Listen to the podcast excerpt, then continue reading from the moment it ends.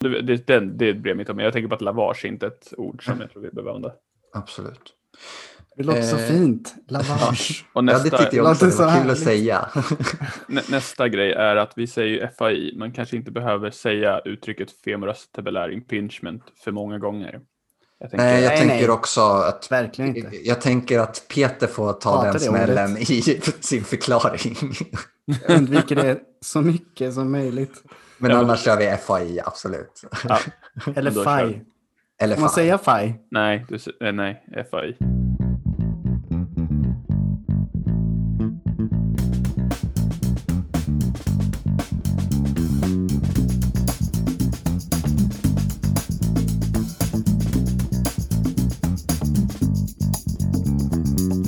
Hej och välkomna till andra avsnittet av Fysiosnack med mig Fredrik och med mig idag igen så har jag Peter, tjena, Hallå, hallå? och även Daniel. Hallå, hallå. Är det bra med er? Det är bra. Ja, tack. Det är bra. Lite trötta hörde jag Ja, här precis. innan vi Man ska, ju började. inte säga, man ska inte säga att man mår dåligt, så jag säger att jag är bra. Att jag mår bra bara. Det är alltid bra med mig, även när jag är trött. Ja, men det låter bra. Vi hoppar direkt in på dagens ämne. ämne. Eh, Och det är en studie nyligen publicerad. Den publicerades här i september i American Journal of Sports Medicine. Och titeln på den är Osteochondroplasty and Labral Repair for the treatment of young adults with femoroacetibular impingement, a randomized control trial. Och den är gjord av Ajenni och eh, et al. Eh, lite observandum för det uttalet. Eh, syftet med den här studien var att jämföra artroskopisk osteokondroplastik med artroskopisk genomspolning av höftleden. Och det här är den första studien som har en kontrollgrupp som är en operationsgrupp den också. Eh, deltagarna i den här studien de var mellan 18 och 50 år gamla och de hade konstaterad FAI och de skulle ha misslyckats med minst sex månaders rehab, eh, fysioterapi. Eh, FAI diagnostiserades genom att de hade symptom, man skulle se förändringar på röntgen eller magnetkamera och de skulle även få tillfällig lindring vid injektion i höften. Deltagarna randomiserades till antingen osteokondroplastikgruppen eller genomspolningsgruppen. Och I spolningsgruppen så spolades leden igenom med tre liter koksalt. Eh, I båda de här grupperna så lagades labrum om kirurgerna bedömde att den var mekaniskt instabil. Eh, efter det här så var behandlingen standardiserad och båda grupperna fick samma rehab. Eh, primära utfallsmåttet var smärta och sekundära utfallsmått var funktion mätt med lite olika patientenkäter. 214 deltagare inkluderades i resultatanalysen. Det var 108 stycken i osteokondroplastikgruppen och 104 i eh, spolningsgruppen. Det man såg det var att vid 12 månader, ett års uppföljning, så hade båda grupperna förbättrats liksom kliniskt signifikant, ganska bra förbättring vad gäller smärta. Men det var ingen skillnad mellan grupperna. Eh, och inte heller på de sekundära utfallen var det någon skillnad mellan grupperna. När man sedan, sen följde upp dem vid 24 månader, två år, så såg man att det var färre reoperationer i gruppen som genomgått osteokondoplastiken. Där var det åtta reoperationer jämfört med 19 stycken i spolningsgruppen. Eh, så slutsatsen i den här studien är att båda grupperna förbättrades signifikant och lika mycket vid ett år. Men vid två år så var det färre reoperationer i osteokondroplastikgruppen. Eh, och innan vi går in och diskuterar den här studien lite mer så Peter, ta och berätta lite. Vad är FAI och vad är egentligen tanken med den här operationen de gjorde också? Ja, så FAI eller Femoroacetubulär impingement syndrom är ett tillstånd i höften som innebär eh, smärta, rörelseinskränkning och funktionsnedsättning. Och patienter med FAI har en eh, onormal benmorfologi i form av CAM som är en benpålagring på femorala kollum och eh, eller caput. Eller pinser som är utstickande benpålagringar på acetabulum. Eh, man kan också ha en mix av de här båda. Eh, en population där detta FAI är relativt vanligt är hos unga idrottare där belastningen på höften bidrar till den förändrade morfologin.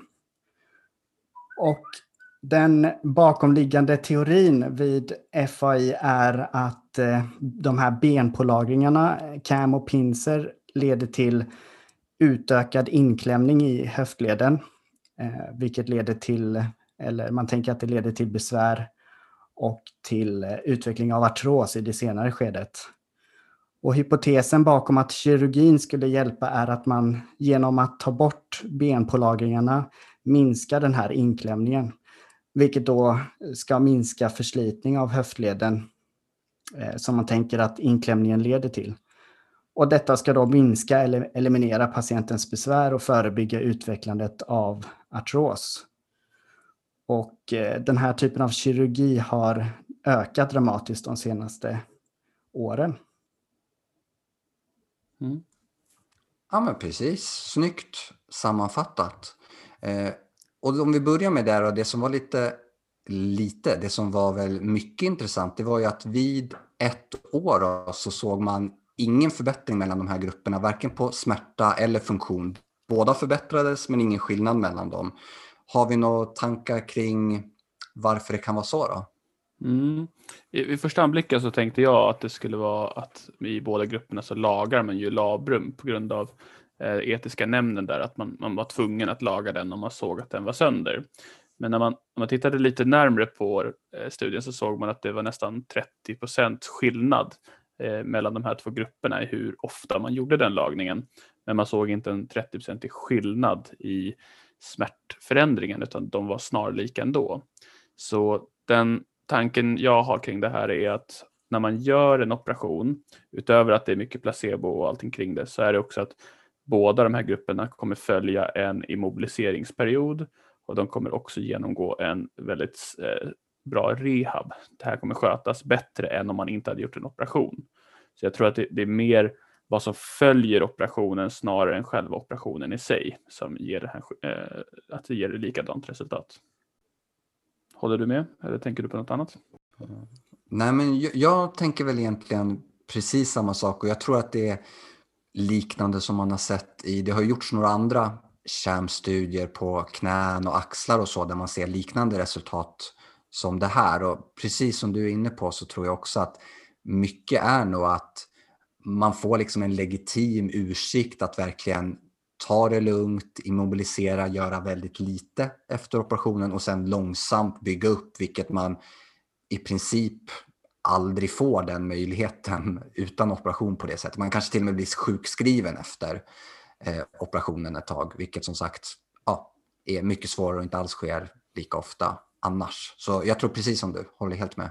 Skulle man då, Ja, nej, mm. men skulle man då kunna säga att den här operationen fungerar som en window of opportunity? Absolut, det skulle man nog kunna säga. Så är väl egentligen med alla operationer att de blir en window of opportunity för just det som ska komma efter. Det är en väldigt stark eh, smärta som följer när man är inne i en led och pillar och eh, det gör ju att man, som Lehmann säger, lugnar ner det och bygger upp det sen. Ja, men precis. Om, om man nu absolut vill använda den termen. Jag har lite svårt för den personligen, men absolut. Jag skulle också, eh, om man nu vill använda den, uttrycka det så.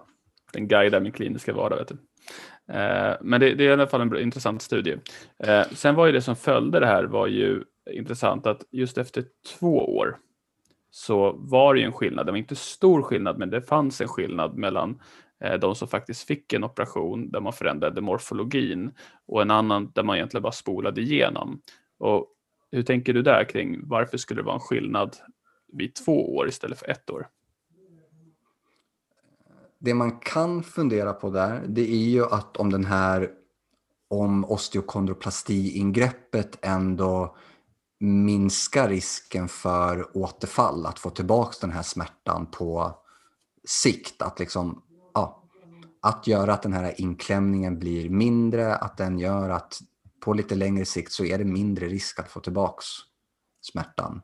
Eh, och där blir det ju intressant att den här forskargruppen har ju varit duktiga med sina andra studier och även göra uppföljning på längre tid. Så det blir himla spännande att se när de förhoppningsvis gör längre uppföljning på den här studien också och se om det blir ytterligare, om det blir större skillnad. För precis som du sa, det var ingen enorm skillnad i hur många som reopererades i grupperna vid två år eh, i den här. Nej, och det som också blir intressant är ju om, om man säger att man följer upp det på fem år eller tio år. Eh, vi har gjort ett antagande bakom FAI-patienter att det är slitaget som följer av att det är för trångt, att det, att det liksom skaver till. Men vi vet ju egentligen inte vad som är den smärtgivande strukturen. Vi har ju lite grann utgått ifrån leden eller labrum, men den här studien visar inte det. Den visar bara att det verkar finnas en skillnad mellan att förändra morfologin, men vi förstår nog inte riktigt mekanismen bakom det. Så det här lyfter ju syfte i alla fall att eh, eh man ska förändra hur man ser på FAI-patienter och kanske fundera mer på vilken vävnad som är smärtgivande. Precis, för det finns ju många olika strukturer i höften som potentiellt sett skulle kunna bidra till smärtan som har nociceptorer i sig. Ja. Absolut. Och sen just som du var inne på tidigare där lite Daniel, att det den här egentligen ser, kollar på det är ju specifikt osteokondroplastiken. Eh, hur stor roll den verkar spela. Det här labrumoperationen, det vet vi inte riktigt. Det hade ju varit intressant i en perfekt värld att även göra någon typ av eh, kärmoperation med labrum där man lagar eller inte lagar den bara för att se det också. Men det verkar ju svårt då, etiskt att få godkännande att göra det. Ja, samtidigt efter den här studien så kanske man skulle kunna göra det eftersom nu etiskt skulle man kunna anta att det inte gör en skillnad att laga labrum eller inte. Eh, och då kanske det är värt att titta på det. Det kanske till och med skulle kunna anses icke-etiskt eh, att, in, alltså att gå in och operera labrum. Eftersom vi nu verkar inte se att det hjälper. Jag, jag har sett siffror i andra studier på att de säger att ja, 90 procent blir signifikant bättre om man lagar labrum. Men i den här studien så ser man inte den skillnaden. Så det är väldigt intressant. Man kanske kan göra en sån studie nu. Ja, som sagt, det vore ju sjukt spännande att kolla även på att försöka tjäna labrumoperationen också. Ja, absolut.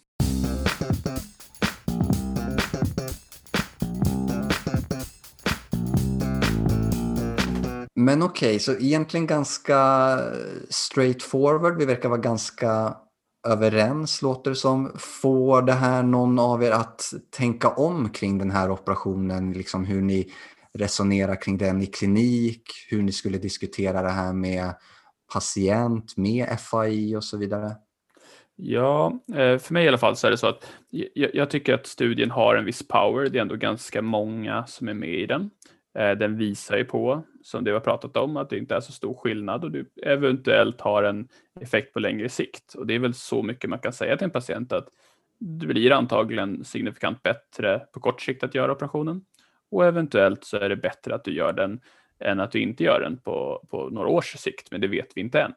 Kan man vara öppen med det så kan väl patienten göra ett informerat val. Men jag själv hade inte gjort operationen. Så mycket kan jag säga. Jag hade, jag hade väntat på eh, uppföljningsstudier för att se att det här verkligen är värt att göra.